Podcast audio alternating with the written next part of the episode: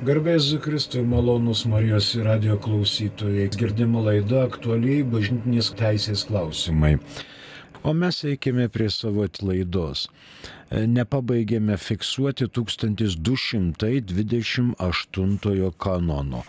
Kalbame apie oratoriumus ir privačias koplyčias liekant galioti 1227 kanono nuostatai, norint celebruoti mišes ar atlikti kitas šventasias apeigas, bet kurioje privačioje koplyčioje reikalingas vietos ordinaro leidimas. Dabar kitas mums rūpimas kanonas 1229, kuris užsklendžia skirsnį apie oratoriumus ir privačias koplyčias. Tai 1229. Oratoriumus ir privačias koplyčias tinka palaiminti pagal liturginėse knygose nustatytas apeigas, tačiau jos privalo būti rezervuotos tik dieviškajam kultui ir nenaudojamos jokiems namų reikalams. Čia turime prie 1229 dvi mintis. Pirmučiausiai pagal liturginės normas dėl oratoriumo arba privačios koplyčios, kad ji būtų pašventinta. Ir jos išskyrimas iš kitų būtinių arba namų tikslų. Pirmoji mintis. Tinka kad oratoriumas ir koplyčia privati būtų palaiminti pagal liturginės normas. Čia yra panaudotas žodis tinka. Nėra žodžio dera arba privalu. Tai yra toksai mitiguotas pasakymas tinka. Kas vykdo palaiminimą? Oratoriumo arba privačios koplyčios e, palaiminimo tarnautojas yra ordinaras arba jo deleguotas kitas dvasininkas. Mums į pagalbą ateina 1207 kanonas. Šventosios vietos laiminamos ordinaro. Tačiau bažnyčia, palai, bažnyčių palaiminimas yra rezervuotas dieceziniam vyskupui. Ir abu tiek vietos ordinaras, tiek diecezinis vyskupas gali tam deleguoti kitą kunigą. Gali, bet neprivalo. Gali patys laiminti, bet gali ir deleguoti kitą kunigą. Nes tinka, kad oratoriumus ir viešoji koplyčia būtų palaimintos. Tuo pačiu palaiminami ir daiktai. Kokie daiktai? Kryžius, paveikslai, kryžiaus keliai, vargonai ir jų palaiminti papildomai. Tikrai nereikia. Visi šitie atributai priklauso koplyčiai, oratoriumui ir jie vienu metu yra palaiminami. Todėl antro laiminimo tikrai nereikia. Ten smilkytuvui kokiam ar vyno vandens ampulėm ir panašiai. Suprantama, kad ordinaras palaimina viską su visa atributika, kas priklauso oratoriumui arba privačiai koplyčiai. Dabar net jeigu koplyčia nėra palaiminta pagal rita, pagal nurodymus, pavyzdžiui, 1205 kanono nurodymus, tai vis tiek nenaudojama koplyčia jokioms namų reikmėms. 1205. Šventosios vietos yra tos, kurios skiriamos dieviškajam kultui arba tikinčiųjų laidojimui, dedikavimu ar palaiminimu, kurį nurodo liturginės knygos. Kitas dalykas 1210. Šventojoje vietoje leidžiama tik tai, kas tarnauja kultui, pamaldumui, religijos praktikai ir skatinimui ir draudžiamas bet koks vietos šventumui svetimas dalykas. Bet ordinaras atskirų atveju gali leisti kitus panaudojimo būdus, jei tik jie neprieštarauja vietos šventumui. Dabar vietos ordinaras, kaip girdėjote, gali leisti. Jeigu numatoma, kad koplyčia bus skiriama dviem tikslams - tiek dieviškajam kultui, tiek namų reikalams. Pavyzdžiui, koncertams, parodoms, performansams, plenerams. Tada šventinama ši vieta, ši koplyčia arba oratoriumas ne pagal pontifikalę romanum rubrus ir nuorodas, o pagal ritualę romanum. 1917 m. kanonų teisės kodekse 1196 neleido oratoriumą arba koplyčią privačią laiminti.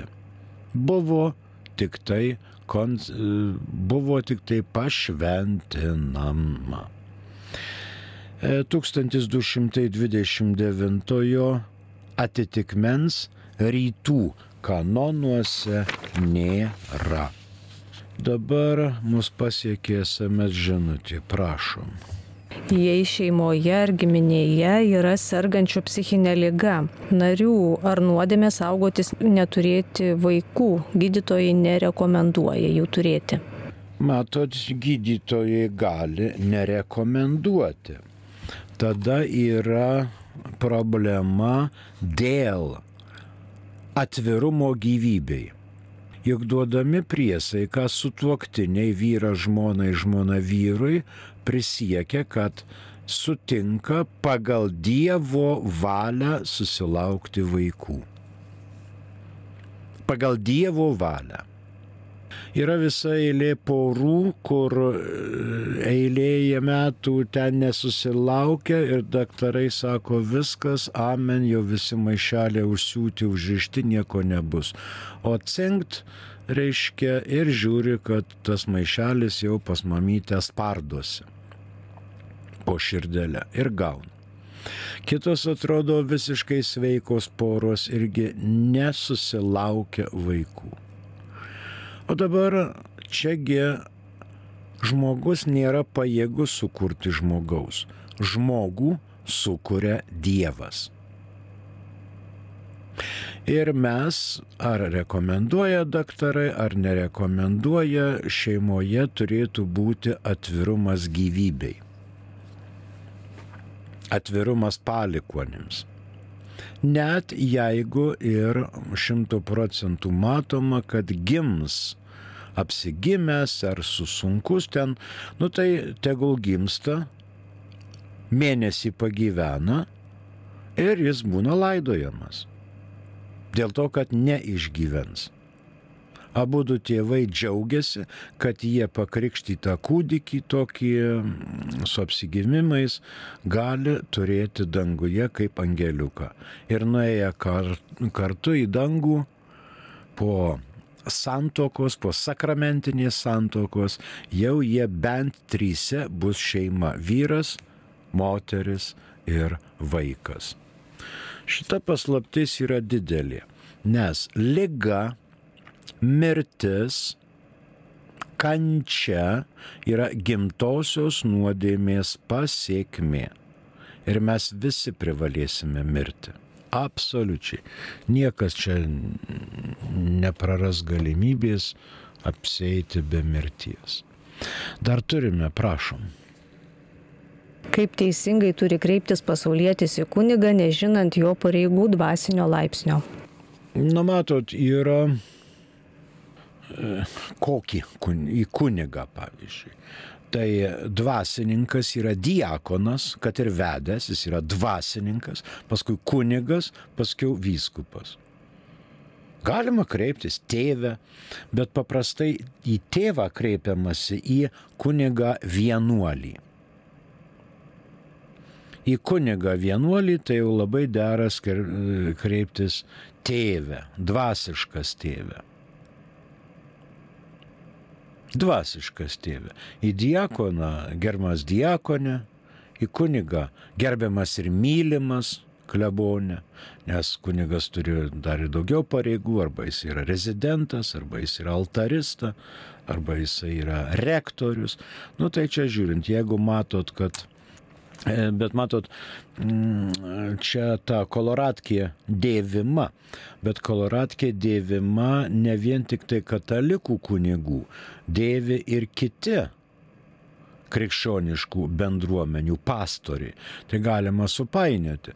Paprastai tėvė mes kreipiamės į katalikų kunigą, kuris turi gavęs, yra gavęs šventimus, bet ne skirimą. Pavyzdžiui, evangelikai skiria darbui kadencijai arba yra skirimas, o katalikų kunigai yra šventinami. Ir šitas šventinimas yra įspaudžia neišdildomą žymę. Krikščioniai paprastai yra du sakramentai - krikštas ir sutvirtinimas, kuris įspaudžia dvasinį charakterį į žmogaus asmenį ir tuo žmogus tampa pilnai įkrikščionintas. Jeigu kunigas, tai gauna dar trečią dalyką - šventimus, kurie taip pat įspaudžia charakterį į žmogaus asmenybę. Žinoma, yra kunigų, kurie atsisako tarnystės. Nežiūrint to, išlieka ir krikšto, ir sutvirtinimo, ir kunigystės žymė katalikų bažnyčia neturi negatyvaus kažkokio formuliaro, kad meldžiasi, meldžiasi šventimai duodami. Ir paskui ateina laikas, jeigu kunigas nevykdo pareigų, tada bažnyčia atverčia knygas, meldžiasi, meldžiasi ir tie šventimai nuo jo nuimami. Tokių dalykų mes neturime. Mes turime tik tai pozityvus. Jeigu bažnyčia prieima sprendimą, kad šis ar kitas asmo yra tinkamas diekonatui, kunigystei, vyskupystei, tai e, yra palaiminami asmenys ir konsekruojami. Ir po to jau jisai yra jo pasirinkimas. Vieni labai ištikimai iki pat mirties dirba bažnyčioje, vykdo savo tarnystės, kiti laikui bėgant suvokia, kad šitas tarnystės kelias yra labai sunkus ir atsisako. Tikrai tokių yra. Ir galima sakyti, tikrai tokių bus. O bažnyčia sako, kad labai trūksta kunigų. Ačiū už klausimą. Prašom kitas. Jei valstybės prezidentas katalikas viešai palaiko ir inicijuoja abortus legalizuojančius bei kitus oficialiam bažnyčios mokymui prieštaraujančius įstatymus, bet tuo pačiu priima komuniją, ar neturėtų jam būti taikoma ekskomunika? Na, įdomus diskusinis klausimas. Žinoma, reikia žinoti, ar prezidentas inicijuoja ir viešai palaiko abortus ir kitus bažnyčios mokslui prieštaraujančius dalykus. Inicijuoja. Matot, yra tokia nuostata, pavyzdžiui, kad ir tam pačiam parlamentarui. jeigu jis laiko, kad jisai laiko save, kad katalikas yra ir labai katalikas. Ir kartais ateina toks balsavimas už abortus. Tai bažnyčia leidžia balsuoti už abortus tokiu atveju, jeigu prieš tai buvęs įstatymas yra griežtas griežtesnis, o dabar nauja redakcija yra švelnesnė. Tada katalikas gali balsuoti, kad būtų švelnesnis. Ten pataisos arba išimtys kokios, tada katalikui leidžiama. Bet jeigu ne, tai žinoma, jisai turi, jisai įkrenta konkrečiai į ekskomuniką. Be jokios abejonės. Dabar kitas klausimas ar tas prezidentas arba ar tas parlamentaras, kuris balsuoja, žino bažnyčios mokslą. Jam taip atrodo mokslininkai, medikai prišneka apie ten tuos visus medicininius terminus, kad čia, mm, čia dar jam neskaudės, dar čia iki 12 savaičių, čia menknėki, čia nekreipkite dėmesio, čia padarom, darom, darom ir padarom ir bus gerai, ateityje čia gal kaip koreguosim. Nu, čia žmogus įmar kelia ranką, žinoma bet jis gali nežinoti, kad nuo pat prasidėjimo momento po mamos širdele gyvybė jau yra nauja. Jau yra nauja gyvybė, kuri vystosi pereina ten visokius vystimosi kelius, nuo amebos, nuo klumpelės, nuo gemalo ir ten pačioj pradžioje net nepanašu į žmogų, paskui žiūrėk vystosi, vystosi, vystosi ir, ir, ir tampa žmogus ir gimsta po devynių mėnesių žmogus. Kartais būna pavyzdžiui persileidimai. Jeigu yra žmogaus pavydalas, šitas žmogaus pavydalas yra krikštyjamas. Jeigu nėra žmogaus pavydalo, ten kažkas tokio, tai tada nėra pareigos krikštyti. Vienas dalykas. Kitas dalykas, pavyzdžiui, klinikose. Tiek Vilniaus, tiek Kauno, tiek Klaipėdos, kiek yra persileidimų. Labai daug. Tai va krikščioniška tradicija, tarkim, ir Kauno klinikose, kas pusę metų šitie gemalai surenkami į vieną vietą, kremuojami ir laikomi netoli koplyčioje, netoli altoriaus. Ir mano kukliom žiniom atrodo atsiras vieta Šiluvoje, šventovėje, kur galima bus laikyti šituos žmonės, kurie yra tikrai žmonės persileidimo metu praradę gyvybę ir jie ir bus pagarbiai laidojami. Kažkokiai koplyčiai, kažkokiai vietoje ir ten bus, reiškia, mūsų ordinaras priims sprendimą, kaip tą padaryti. Tai va, su šito prezidentu, kuris palaiko ir inicijuoja. Vienas dalykas, ar jisai supranta, jog tai yra žmogžudystė, kitas dalykas, gal jisai nesupranta. Todėl katalikų bažnyčios pareiga priminti ir ypatingai Marijos radio bangomis priminti, kad abortas yra žmogžudystė.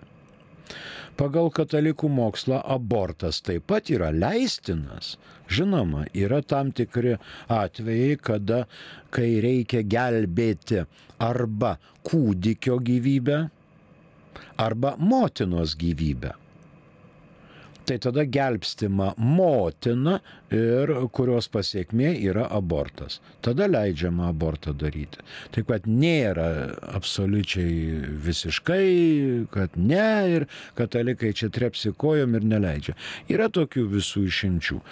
Kunigas profesorius Andrius Narbekovas yra pasisakęs ne kartą šitais klausimais ir tai yra jau neaktualieji bažnytinės teisės, o tai yra medicinos ir katalikiškos moralės klausimai. Ekskomunika, jeigu žmogus nuoširdžiai gailisi, tikrai žmogui nuimama.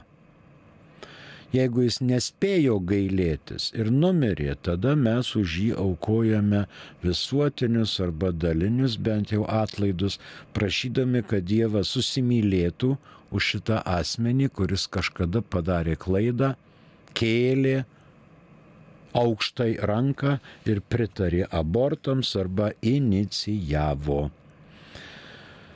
Matot, baigėsi gero ir pigaus gyvenimo laikotarpis. Todėl dabar atsirado ir atsiranda visokių dalykų. E, bažnyčia nepajėgi yra nurodinėti valstybei, ką daryti, kada daryti, kaip daryti, kaip šaldyti kainas ar dujas, kaip nešaldyti, bet moralės rytyje bažnyčia privalo aiškiai pasisakyti, kad abortas tikrai yra žmogžudystė ir nuodėmė. Apie tai jau esame šiek tiek anksčiau kalbėję.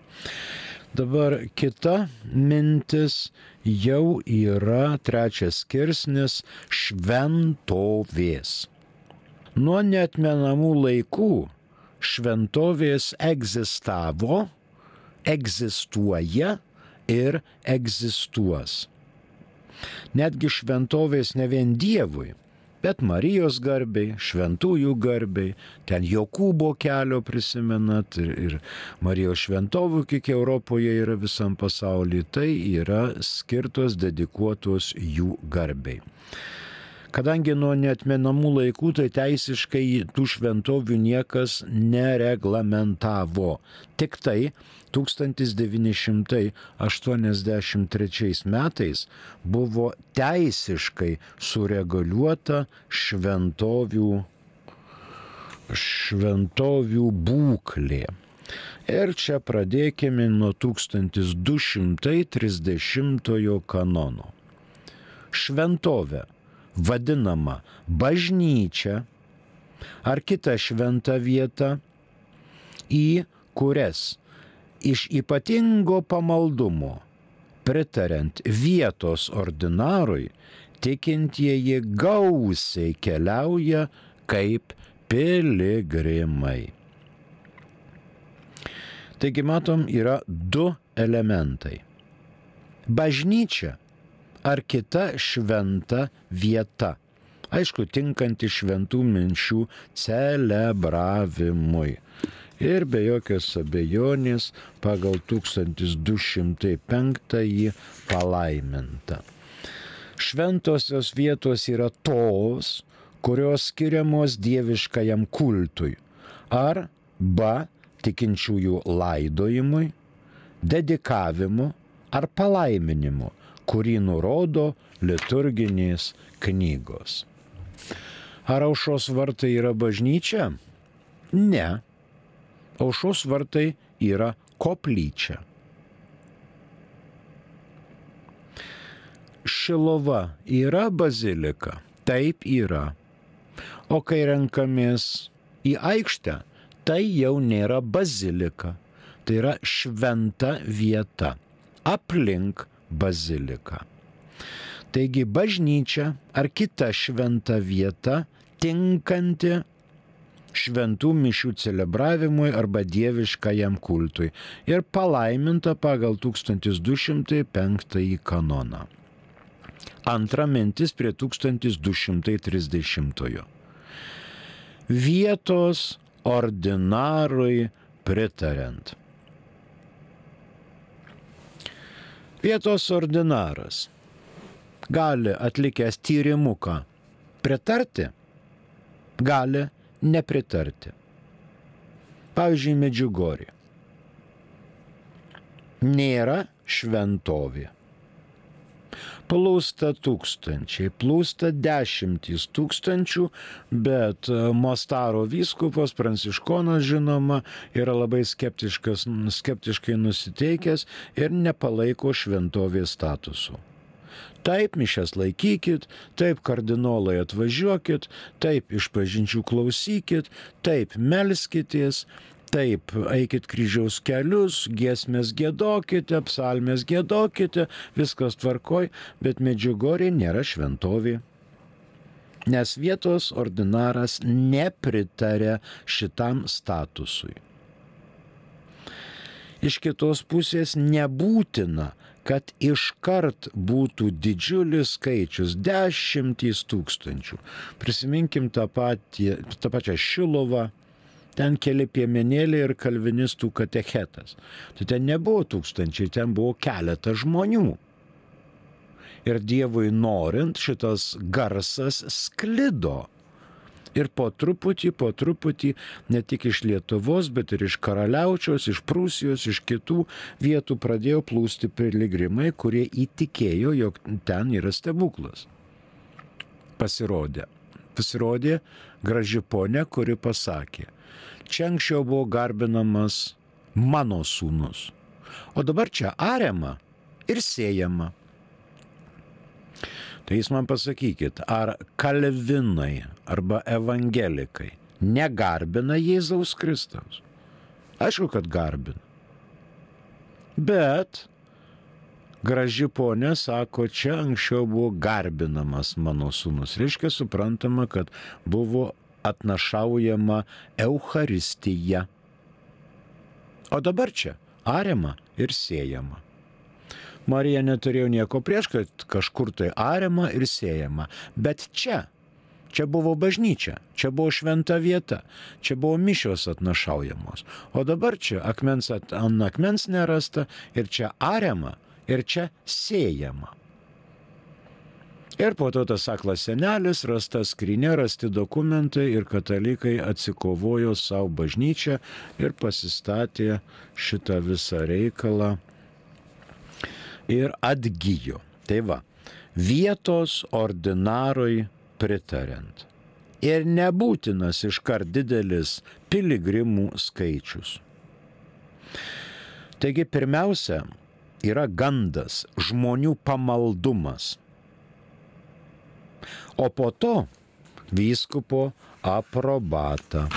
1205 jau mūsų girdėtas. Šventosios vietos yra tos, kurios skiriamos dieviškajam kultui arba tikinčiųjų laidojimui, dedikavimu ar palaiminimu, kurį nurodo liturginės knygos. Šilovoje prie koplyčios irgi yra palaidojimo vieta kapinės.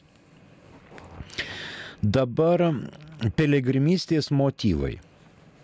Gali būti šventas paveikslas. Aušros vartai yra ne bažnyčia, aušros vartai yra koplyčia, bet ten yra paneliai švenčiausios gailestingumo motinos paveikslas arba atvaizdas. Tai yra piligrimystės centras.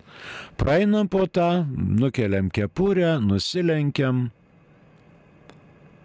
sukalbam maldelę, pasveikinam Dievo motiną, kuri mums davė išganytoją ir taip toliau. Tai yra aušos vartai. Po apačią ten yra judėjimas, o viršui yra maldos. Bet praeidami pro apačią taip pat nepaliekame be dėmesio Dievo motinos. Piligrimystės motyvai gali būti relikvijos. Na, Jokūbo kelio, pavyzdžiui, relikvijos dabar yra šiek tiek mm, pakeisti dalykai. E, pirmo laipsnio relikvijos, kur yra visas kūnas e, žmogaus, pavyzdžiui, Švento Viktoro. Švento Viktoro kalnujuose yra bažnyčia sugriauta, jo palaikai yra Silezijoje, apačioj yra mm, stiklinis toks gaubtas ir matosi žmogaus skeletas. Ten yra šventas Viktoras. Ačiū. Dabar piligrimysės motyvai. Pavyzdžiui, įvykęs stebuklas. Įvykęs stebuklas. Tarkim, ketur naujiena, taip pas mus tokia, kur dar nepasisakė nei vyskupas, nei vyskupų konferencija, bet leido ten melstis. Buvo ten stebuklas ar nebuvo, jeigu Dievas norės, tai ten joks vyskupas neuždraus. Bet kol kas ten taip labai gana skeptiškai leidžiama melstis. kur pasirodė Jėzus ir Marija. Įsivaizduokit, dviese. Vieno neužteko. Asmens. Dviese. Va, koksai, koksai tai stebuklas. Apsireiškimas taip pat yra piligrimystės motyvas. Ir taip toliau. Gali būti visokių. Rytų kanonuose 1230 atitikmens nėra fiksuojami. Šventovė, vadinama bažnyčia arba kita šventa vieta, į kurią iš ypatingo pamaldumo pretariant vietos ordinarui tikintieji gausiai keliauja, kaip piligrimai. Kitas 1231. Kad šventovė galėtų vadintis tautinė, privalomas vyskupų konferencijos patvirtinimas. Kad galėtų vadintis tarptautinė, reikalingas šventojo sosto patvirtinimas. 17 metų kanonų teisės kodekse nebuvo šitos skirelio, o dabar bažnyčia paliko taip iki paskelbimo 83 metais, kas buvo šventovė laikoma ir manoma, taip ir pasiliko. O po 83 metų kanonų teisės kodekso paskelbimo jau bažnytinės valdžios reikia įsikišimo ir skelbimo. Kaip girdėjote, kad tautinė privalomas vyskupų konferencijos patvirtinimas, o kad galėtų vadintis tarptautinė, reikalinga švento sausto patvirtinimas kuris nelabai lengvai gaunamas. Reikia daryti tyrimuką, reikia konsultuotis visiems viskupam, reikia žiūrėti, ką vietos klebonas sako, kokia kunigų nuomonė, kokia tikinčiųjų nuomonė, kad ten nebūtų koksai tai pajokos objektas kažkas kažkur kam prisivaideno, prisisapnavo ir čia jau prašo Vatikano, kad paskeltų tarptautinę šventovę. Ne, pirmiausia nacionalinę. Pirmiausia vyskupijos mastu, vietos vyskupas, po to, jeigu yra reikalas vyskupų konferencija ir tik po to nacionalinio lygmenio. Na tai lyg tai mūsų ir laikas išseko. Kita kartą nagrinėsime 1231 ir likusius kanonus. Laidą vedė kunigas Virginijas Veprauskas, ačiū už klausimus, dėkui ir sudie.